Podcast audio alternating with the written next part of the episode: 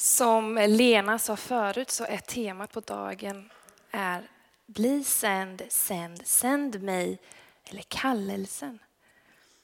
Och vi börjar med att läsa ur Lukas evangeliet kapitel 5, vers 1 till och med 11. En gång när han stod där vid Genesarets sjö och folk trängde sig på för att höra Guds ord fick han se två båtar ligga vid stranden. Fiskarna som hade gått ur för att följa, skölja näten han steg i i den ena båten som tillhörde Simon och bad honom att ro ut ett stycke. Sedan satte han sig ner och undervisade folket från båten. När han hade slutat tala så sa han till Simon Ro ut på djupt vatten och lägg ut näten där. Simon svarade, Mästare, vi har hållit på hela natten utan att få något, men eftersom du säger det så ska jag lägga ut näten. Och det gjorde så och drog upp en väldig mängd fisk. Näten var nära på att brista och de vinkade åt sina kamrater i den andra båten för att komma och hjälpa till. Det kom och man fick så mycket fisk i båda båtarna att de höll på att sjunka. Då kastade sig Simon Petrus ner vid Jesu knän och sa, lämna mig Herre, jag är en syndare. Ty han och det som var med honom greps av bävan när de såg all fisk som de hade fångat. Likaså Jakob och Johannes, Sebodaios söner som tillhörde samma fiskelag som Simon.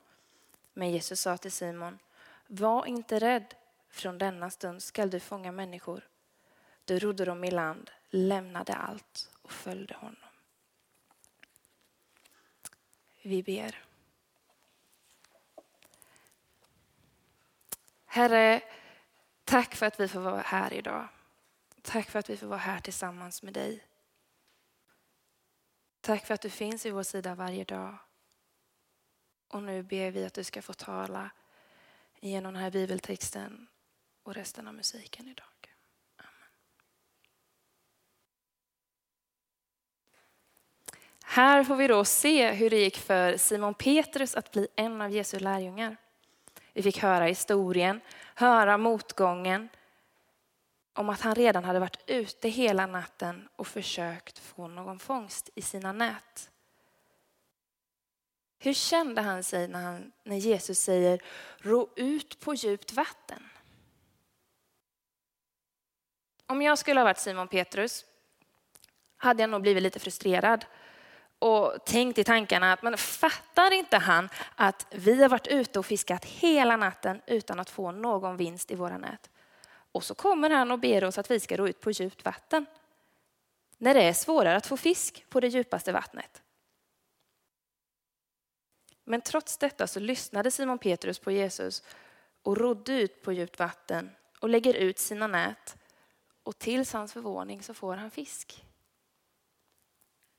Inte bara en eller två. Näten de blir så tunga att han behöver kalla på den andra båten för att tömma dem. Båtarna är tunga av fisk att de håller på att sjunka. Jag kan inte föreställa mig hur mycket fisk, men någonting som jag har funderat över alla gånger man har hört den här historien är varför så mycket fisk? Varför bad Jesus Simon Petrus att ro ut på djupt vatten och lägga ut sina nät där? när det är svårare att få fångst där. Simon Petrus ifrågasätter Jesus varför han ska gå ut på djupt vatten när han redan har varit ute hela natten utan någon vinst. Och då så säger Jesus, men ro ut en gång till. Ro ut på djupt vatten.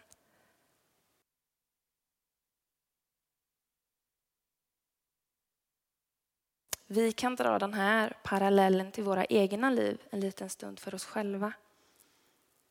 Och fundera på, har Jesus gjort så i våra liv? Har han gjort så i ditt liv? Har han gjort så i mitt liv? Har Jesus bett oss att gå ut på djupt vatten någon gång? Har han bett dig göra något som du har försökt men kanske inte tillräckligt eller något som du har tänkt att det där ska jag aldrig göra? Kommer inte fråga er, men ta en liten stund någon gång, antingen nu eller på fikat med kompisar och vänner, hemma för er själva eller tillsammans med någon annan. Att fundera på det. Har vi någon gång gjort eller känt något som har blivit misslyckat eller mindre bra än vad vi hade föreställt oss. Och sen bli frågade att göra den saken en gång till som blev mindre bra. Det kanske inte känns jättebra. Och veta liksom att förra gången jag gjorde den så, så gick det ju inget bra och nu vill den personen att jag ska göra det en gång till. Fast jag vet att det inte kommer gå. En kan dra det till att göra om ett prov i någon kurs, lära sig cykla, lära sig ett danssteg, gå på en jobbintervju och inte få jobbet. Man kanske har varit i en tuff diskussion med någon som inte, och det gick inget bra. En kan gå där med en ganska misslyckad känsla i kroppen. Att den inte klarade en uppgift som man skulle göra och sen måste man göra den uppgiften en gång till. Jag skulle ha en enorm klump i magen. Rädd för att känna den misslyckande känslan. Rädd för att andra människor ska tycka att jag eller vi eller någon annan är misslyckad. Men här ber Jesus till Simon Petrus, till dig och till mig. Gör det en gång till. Gå ut på djupt vatten en gång till och släng i nätet. Vi kanske får höra det från våra föräldrar, partner, vänner eller någon annan i vår närhet. Be dig göra det som inte blev bra.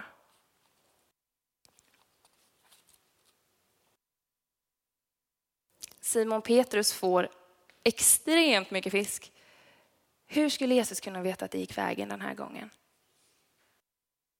Och inte bara bra, utan alldeles galet, fantastiskt bra. Dessutom på djupt vatten. En enorm lycka, en vinst. Men att gå ut på djupt vatten behöver ju nödvändigtvis inte betyda något negativt. Kanske det bara känns lite knepigt eller osäkert till en början, men efteråt så kanske vi också får en vinst. Är det så? Är det när vi utmanar oss själva, så som Simon Petrus gjorde, är det då vi förstår vad vår kallelse är eller inte?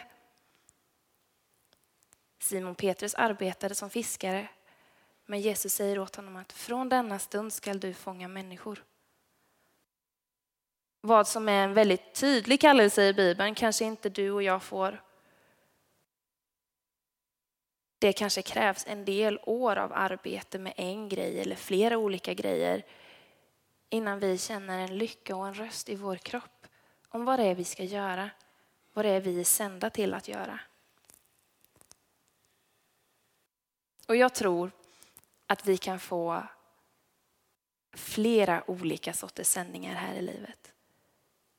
Vi alla går igenom olika faser, olika tider för att göra olika grejer. Men något som jag tror att vi alla är sända till är att följa Jesus. Att vi får vara med och fånga ihop alla människor. Att vi får lära oss och lära vidare till andra om vad Jesus en gång sa på den här jorden. Vi är sända till att sprida det härliga, otroliga fina budskapet. Du behöver inte vara pastor eller diakon eller ungdomsledare eller jobba som kantor eller något annat yrke i kyrkan. Utan jag tror att det är någonting vi får av Jesus när vi tar emot honom i våra liv och lämnar allt det dåliga som har hänt oss bakom och följer honom. Kanske kan det vara så här. Jag vill att ni blundar. Sätt er bekvämt. Tänk er en väldigt liten lägenhet. En etta. Denna ettan är väldigt, väldigt, väldigt liten. Det får plats med en säng, en kokplatta,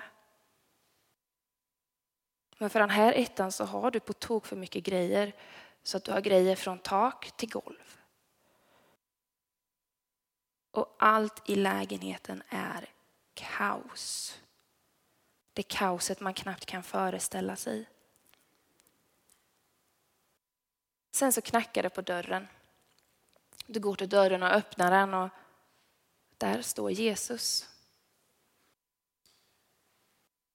du bjuder in honom hem till dig och, och han ställer sig i mitten i rummet och, och tittar sig runt och frågar vart vill du att jag ska vara? Du tittar runt och börjar känna att ah, kanske skulle jag ha städat eller sorterat lite i lägenheten innan Jesus kom på besök. Men Jesus tittar på dig, sträcker ut sin hand och säger kom så går vi hem till mig istället. Så här tror jag det kan vara att få ta emot Jesus, att få bli kallad och få bli sänd och lämna allt bakom sig. Vi ber. Jesus Kristus, tack. Tack för att du vill använda oss. Tack för att vi får lära oss om dig och lära andra om vad du en gång gjorde här. Tack för att vi får en kallelse i våra liv och att du sänder oss. Och jag ber Jesus att för oss som inte riktigt är säkra på vad vår kallelse i livet är, lägg ett frö i oss och låt det gro. Så vi kan få vara med och fånga människor så som Simon Petrus gjorde. Jag ber att fortsättningen på den här gudstjänsten ska få vara med dig och få tillsammans med dig Jesus. Jag ber om att du är med oss Jesus Kristus varenda dag nu under den här veckan. I Jesu namn.